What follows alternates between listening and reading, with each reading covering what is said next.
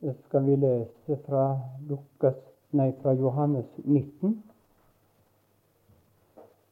og fra vers 25 til 30. Men ved Jesu kors sto hans mor og hans mors søster Maria Klopas hustru og Maria Magdalena. Da nå Jesus så sin mor, og ved siden av henne den disippel han elsket, sa han til sin mor, Kvinne, se, det er din sønn. Deretter sa han til disippelen, Se, det er din mor. Og fra den stund tok disiplen henne hjem til seg. Deretter, da Jesus visste at nå var alt fullbrakt, for at Skriften skulle oppfylles, sier han, Jeg tørster. Der sto et kar fullt av eddik. De satte da en svam fullt av eddik på en isoppstilk og holdt den opp til hans munn. Da nå Jesus hadde fått eddiken, sa han, det er fullbrakt. Og han bøyet sitt hode og oppga sin ånd.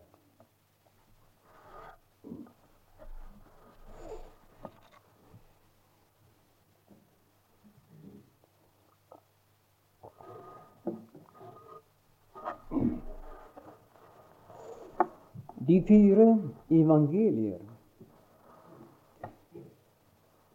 de har som oppgave bl.a. å skildre Jesu jordliv. Eh, den såkalte historiske side ved hans jordliv.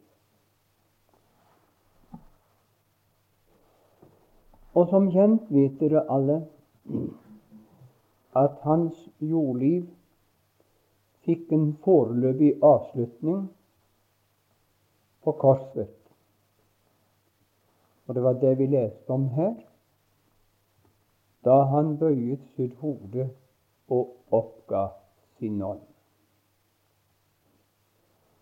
Men evangeliene slutter ikke der. De fortsetter, forteller oss om hans oppstandelse og 40 dagers opphold mellom oppstandelsen og himmelfarten. Og dermed er hans jordlivshistorie avsluttet. Altså, i Kristi jordliv har vi her framstilt for oss hans død. Han døde på korset. Brevene de har som oppgave å framstille den åndelige betydning og åndelige verdi av Kristi død. Hadde vi bare de fire evangeliene, og ikke brevene, f.eks. Romerbrevet, var det umulig å forkynne et bibelsk evangelium. For det er nemlig brevene og det som er skrevet etter apostelgjerningene og framover, som forteller oss om verdien av Kristi korsdød. Og det skjønner dere hvor nødvendig det er å gjøre oss kjent med brevenes innhold.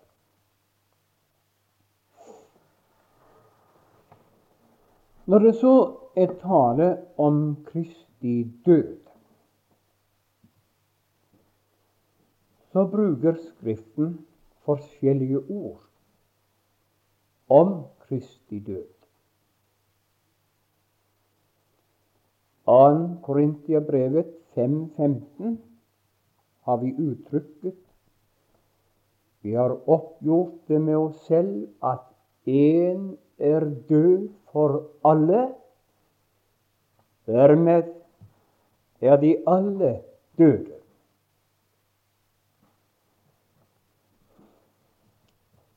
Og 1. Korintiabrevet 15, vers 3 Kristus døde for våre synder etter Skriftene. Det er meget viktig, det uttrykket 'etter Skriftene'. Kunne det ikke bevises at han døde etter Skriftene, var han ikke Guds sønn. Og Romerbrevet 5 og 6, det tar oss med i hans død. Vi er forenet med ham i hans død. Og 6, det gamle mennesket er korsfestet med ham. Og mange, mange andre Guds ord fortelles, forteller om det samme.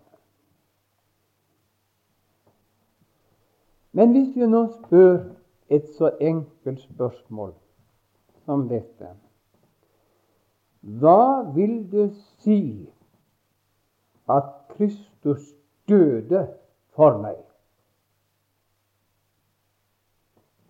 Mon vi da greier å gi et rett bibelsk svar?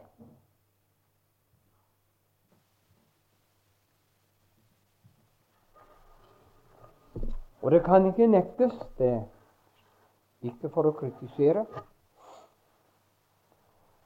Men det går tydelig fram av mange bekjennende kristne at når de taler om Kristi død, og Han som døde for meg, døde for mine synder, så knytter de det til hans fysiske død. Da, når hjertet stoppet, han utåndet siste gang, den vi talte om her.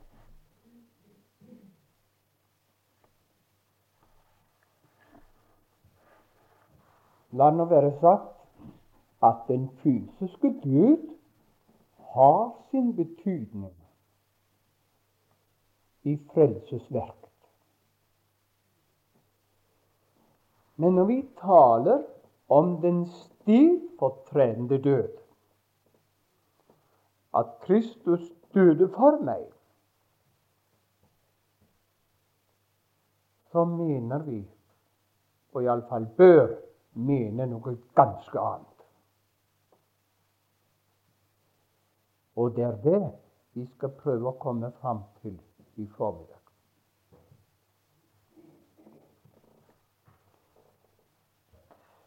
For å, for å komme fram til det La meg så gjøre oppmerksom på at Bibelen taler om død i tre betydninger. Først taler den om den fysiske død. Det kjenner vi alle til. Da, når sjel og ånd forlater legemet, og legemet ligger igjen og vender tilbake til støv, som Bibelen sier.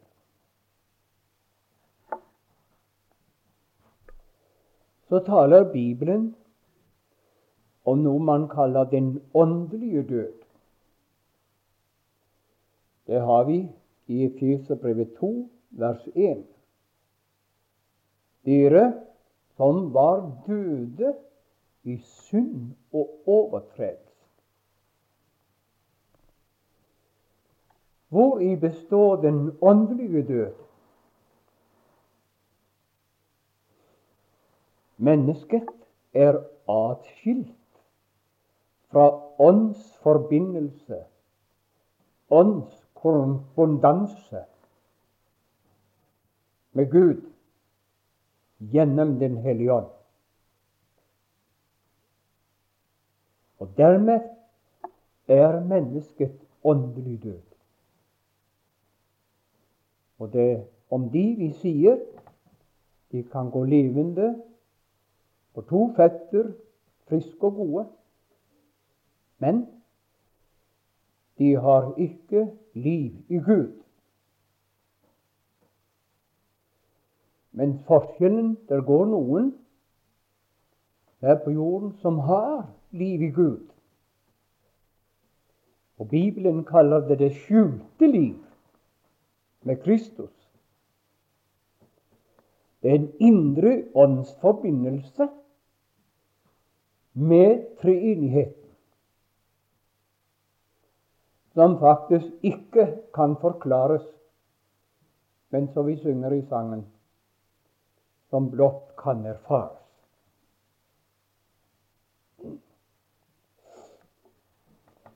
Og uttrykkene som å bli frelst, som er kjent som et meget brukt og viktig språk, det betyr at et frelst menneske han er kommet i livsforbindelse i åndens verden med himmelens Gud. Og denne livsforbindelse den kalles bl.a. også det evige liv.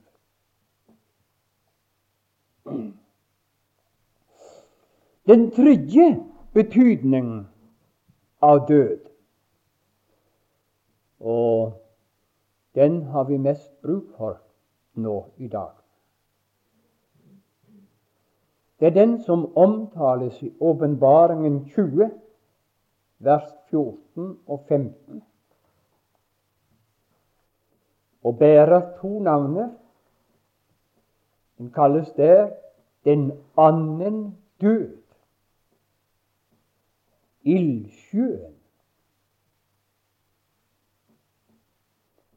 Hva er dette for et språk?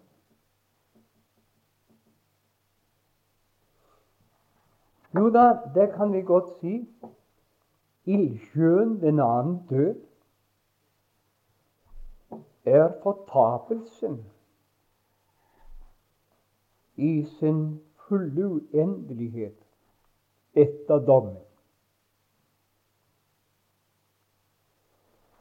Og hvis vi ser nærmere i det kapitlet, altså Åpenbaringen 20, så vil vi se alt som er senket ned i ildsjøen.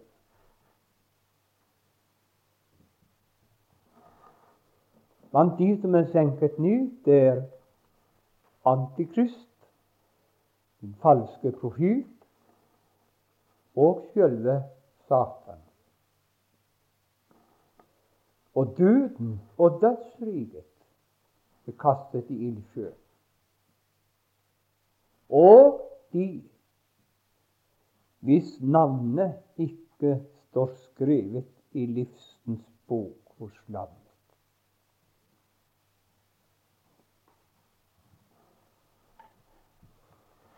Uttrykket 'ildsjøen' skal ikke tas bokstavelig, slik at det menes materiell ild, som vi kjenner den her på jorden. Men i de fleste tilfeller står ild i Bibelen som et billedspråk for Guds dom og Guds vrede og Guds straff.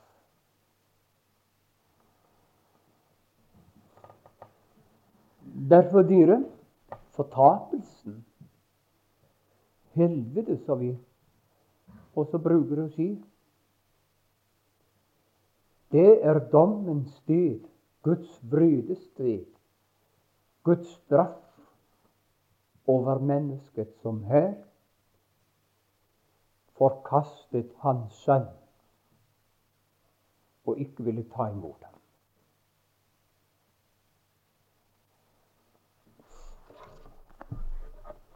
La meg føye til fortapelsen, dere, det er ikke Satans eiendom. Det er Guds eiendom. Og det er Gud selv som har lagt det til. Og det er endog en side ved Gud. Vi har en side ved Gud som heter 'Gud er kjærlighet'. Den kjenner vi alle. Men Hebreabrevet 13 sier Gud er en fortærende ild. Den siden vil vi ikke høre noe av. Hører vi noe om den, så reiser det håndmodige mennesket seg i motstand til en Gud vil jeg ikke ha med å gjøre.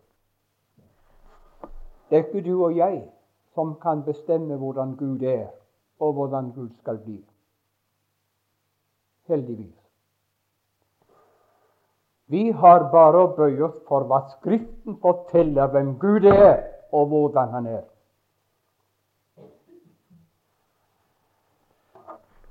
Og vi skal gjerne komme tilbake til dette senere. Nå Da Kristus hang på korset Da hadde det skjedd noe med ham før han ble naglet til korset. Når det var, tør jeg ikke si,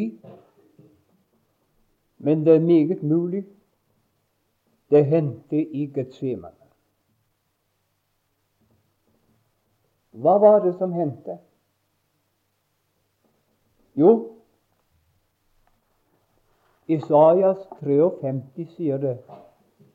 Herren lot våres alles misgjerninger ramme ham. Og 2. Korintiabrevet 15, 21.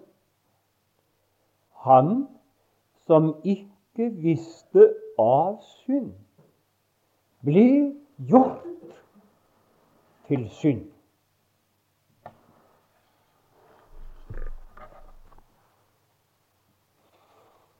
I, I, gamle dager da var det ofte mer originale forkynnere enn det er i dag.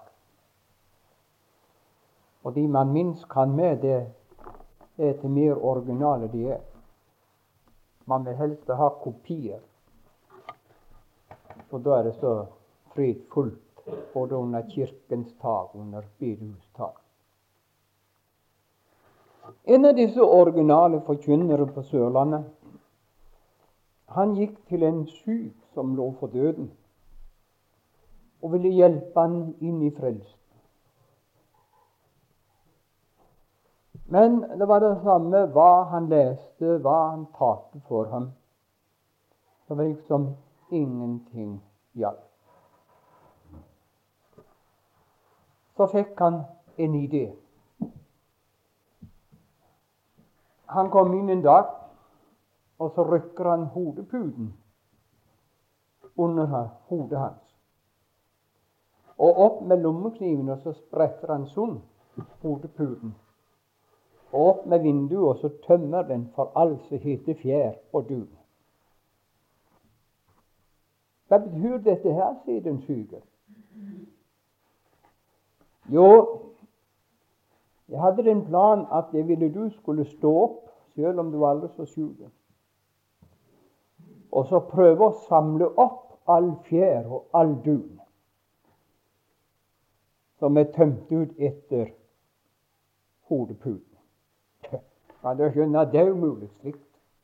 Ikke verken greier jeg å komme opp, og ikke greier jeg å finne igjen hver dun. Nei, ganske riktig, sa han. Men vet du, det er det du holder på med. Derfor kan du ikke bli frelst. Du holder på Gjennom syndsbekjennelser så skal du samle opp alt som heter synder i din fortid. Og så er du så levende redd du skulle ha glemt en synd. Men hør nå. Der skjedde noe på korset. Ditt liv ligner den hodepuden. Du har strøtt ut synd hvor du har ferdes. Men på korset, der så Gud i framtiden dine synder. Og så samlet han opp hver fjær, den minste dun, og la den over på Jesus. Og så måtte Jesus gå til korset og ta din plass. Ikke bare ta din plass som et Adams fallen menneske, men han måtte ta din plass som synder og ta din plass som den der skulle lide og straffes og dømmes for dine synder. Og da var det bare én ting som måtte gjøres med Guds sønn. Guds sønn måtte sendes i ildsjøen, i helvete, i din plass. Og vet du det skjedde på kors.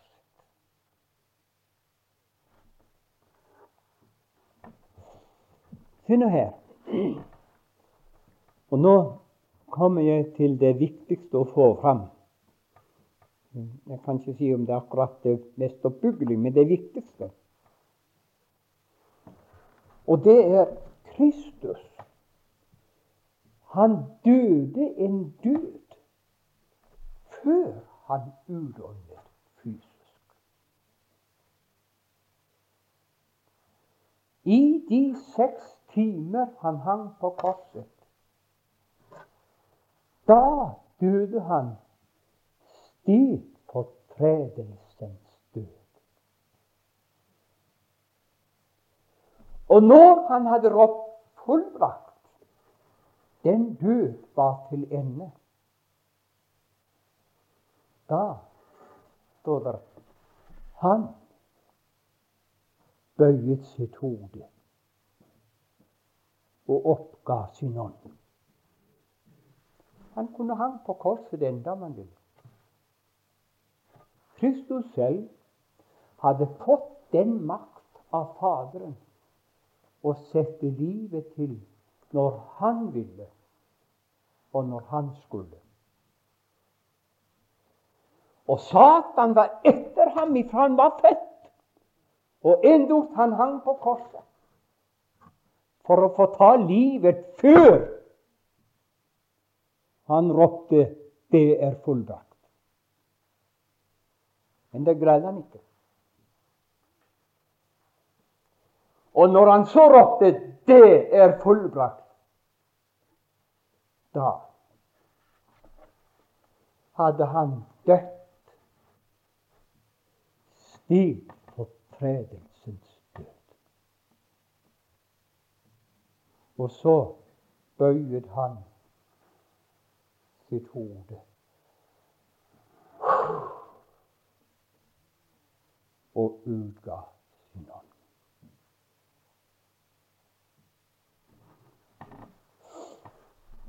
Og Nå vil jeg gjerne be dere å slå opp Hebreabrevet 2, 9.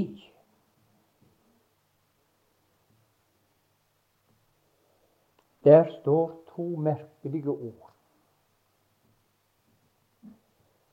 Der står for at han ved Guds nåde skulle Ja, det er kanskje best å gjengi det ordrett.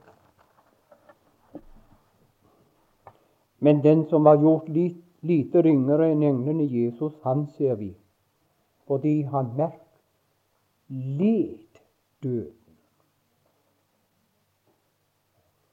Kronet med herlighet og ære for at han ved Guds nåde skulle smake død. Et menneske som dør, altså dør fysisk, Han verken smaker eller lir døden. Han lir fysiske smerter. Men selve døden er en opphøring av smertene.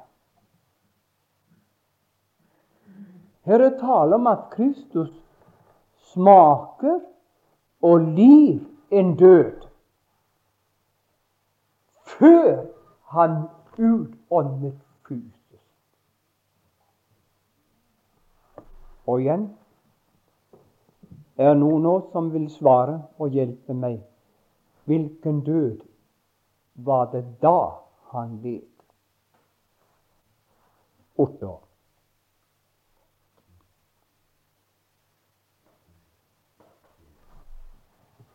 Det var den annen død inni sjøen. Eller for å si det med et kjent råd det var helvete han smakte og led på korset. I ditt og i mitt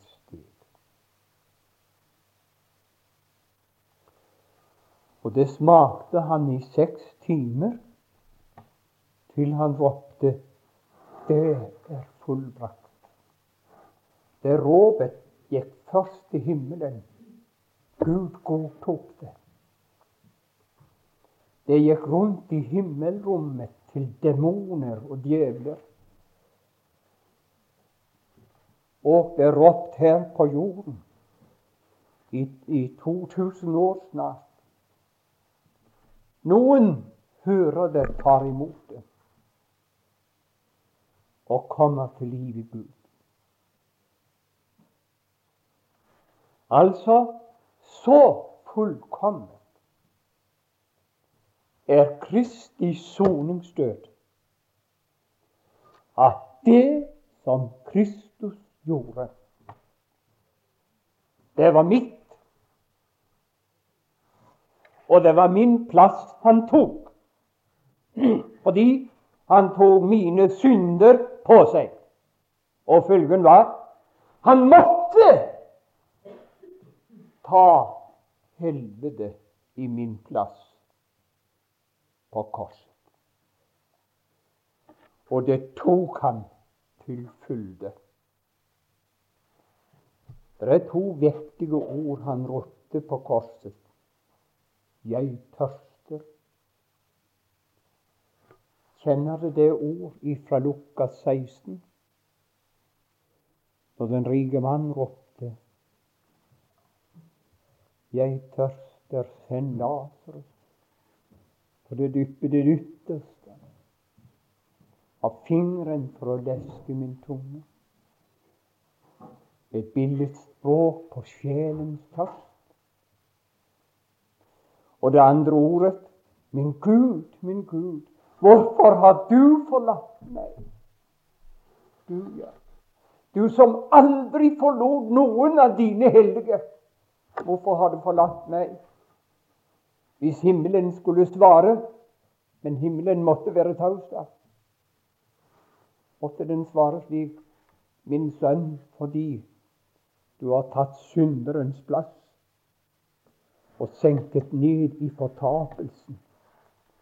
Og dere er alltid en taus Gud. For ingen bønn fra fortapelsen når opp lenger til Guds trone.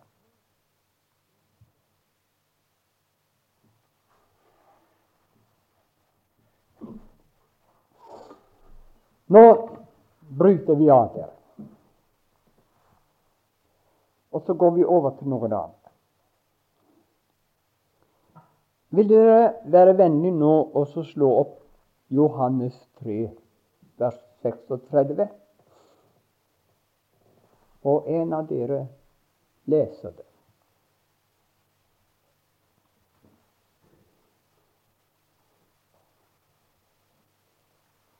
Johannes 3, 36.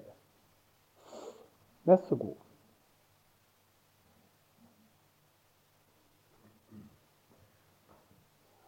Den som tror på Sønnen, har evig liv. Men den som ikke vil tro på Sønnen, skal ikke se livet, men Guds vrede liv over ham. Ja.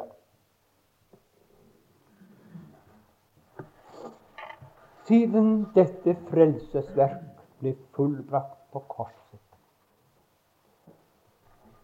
har der gått ut et budskap ved Den hellige ånd og hans vitner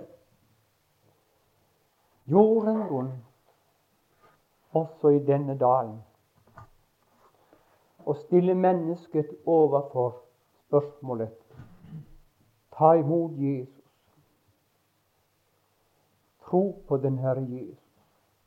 Kom til den Herre Jesus.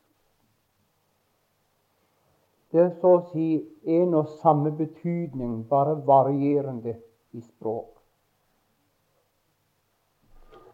Med det samme mennesket tar imot Jesus. Tror han på den Herre Jesus? Kommer han til den Herre Jesus? Og i samme øyeblikk tilregner Gud ham det Kristus gjorde på korset, som det gjort av ham. Så sitter du her i forsamlingen som er kommet til troen. Så skal du vite du er ferdig med Getsemane i en annen person. Du er ferdig med hudstrykningen i en annen person. Du er ferdig med tornekronen i en annen person. Du er ferdig med de nagler som naglet deg til korset i en annen person. Du er ferdig med de seks timer senket ned under Guds vrede i ildsjøens kvaler i en annen person på korset. Du er ferdig med det inntil han ropte det er fullbrakt. I dag kan du stå og si takk for oss og helvete er fullbrakt for meg. Fullbrakt i en annen person. Går du ikke nå for langt, Line, syns jeg hører noen spørre. Vel, nå skal vi lese Guds ord. Første Peters brev, kapittel 3, vers 11. Om forlatelse, vers 18. Kristus led en gang for synder. En rettferdig for urettferdige. Kan det sies klarere. Kristus lid en gang for synder, en rettferdig for urettferdige. Og urettferdige gjelder meg og gjelder deg. Ingen er rettferdig for Gud i egen stilling. Johannes 5, 24. Sannelig, sannelig, sier jeg eder, den som hører mitt ord og tror Ham som har sendt meg, han kommer ikke til dom. Dom der, det er mer enn dommedag. Dom betyr han kommer ikke til helvete. Hvorfor? Han er gått, gått over fra døden til livet. Og på livets område finnes det intet som kan få dømme ham mer.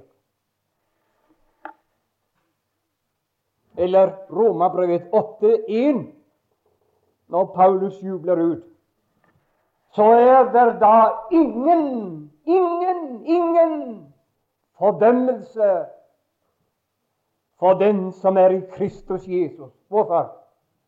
Med det samme han tro blir han transportert over i Kristus Jesus og står for Gud i den siste Adam. Og i samme øyeblikk er alt som heter dom, opphørt i hans framtid. Og derfor, som Hope har sagt det, en kristen kan sjå så langt fram i Eva han sjå vil. Han skal aldri møte Kristus som sin dommer. Han skal alltid møte han som sin frelser. Halleluja. Hvorfor? Han er ferdig med dommen. Han er ferdig med fortapelsen. Han er ferdig med ildsjøene. Han er ferdig med synd og alt. Han er ferdig med det alt på korset i en annen person. I samme øyeblikk du tar imot Jesus, tilregner Gud deg dette som ditt. Og, og, og. Har vi ikke grunn til å være trygge? Har vi ikke grunn til å juble? Har vi ikke grunn til å synge Gud lovsang? Det vi burde her i dag, det var å falle på kne og så tilbede Guds sønn for hans fullkomne frelsesverk. Men når dette er sagt, må det også sies de som ikke vil tro, bliver Guds vrede over. Når døden kommer, de gå inn i evigheten. Og da vil de smake det samme som Guds sønn smakte på korset. Han som hang der og juridisk tok din plass, og juridisk led helvetes kvaler i din plass. Han blir det skiftet om slik at nå må du smake hva han smakte på korset. Forstår du det? Det er likegyldig om du ikke vil gå med på det, ikke vil tro på det. Dette er Skriftens lære. Og Der kommer ordet igjen som sier at synden skal finne deg igjen.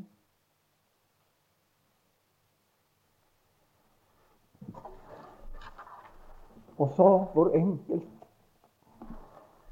Her du sitter, kan du bli frelst. Og den enkleste måte å bli frelst for, det er simpelthen å folde sammen hendene om du ikke engang vil det. Men det er å takke Jesus for det var for min skyld. Jeg tar imot det du gjorde for meg, som mitt og tar imot det gjennom et takk. Begynn der, så ordner alt av seg selv etterpå. Herre Jesus, vi tilbyder deg enda en gang mer for korsets smerte og for korsets død. Og jeg har prøvd å takke deg før i dag at der fant jeg fred for mitt arme hjerte. Og vinteren ble til en livlig vår. Og så har det vært vår hele livet. Og enda skjønnere og herligere nå når alderdommen kommer. Takk, Herre, for det alt prøvd det jeg har talt om i dag, og det holdt. Og takk for jeg går evigheten i møte og vet når bortgangen kommer, skal det holde. Halleluja, Jesus. Amen.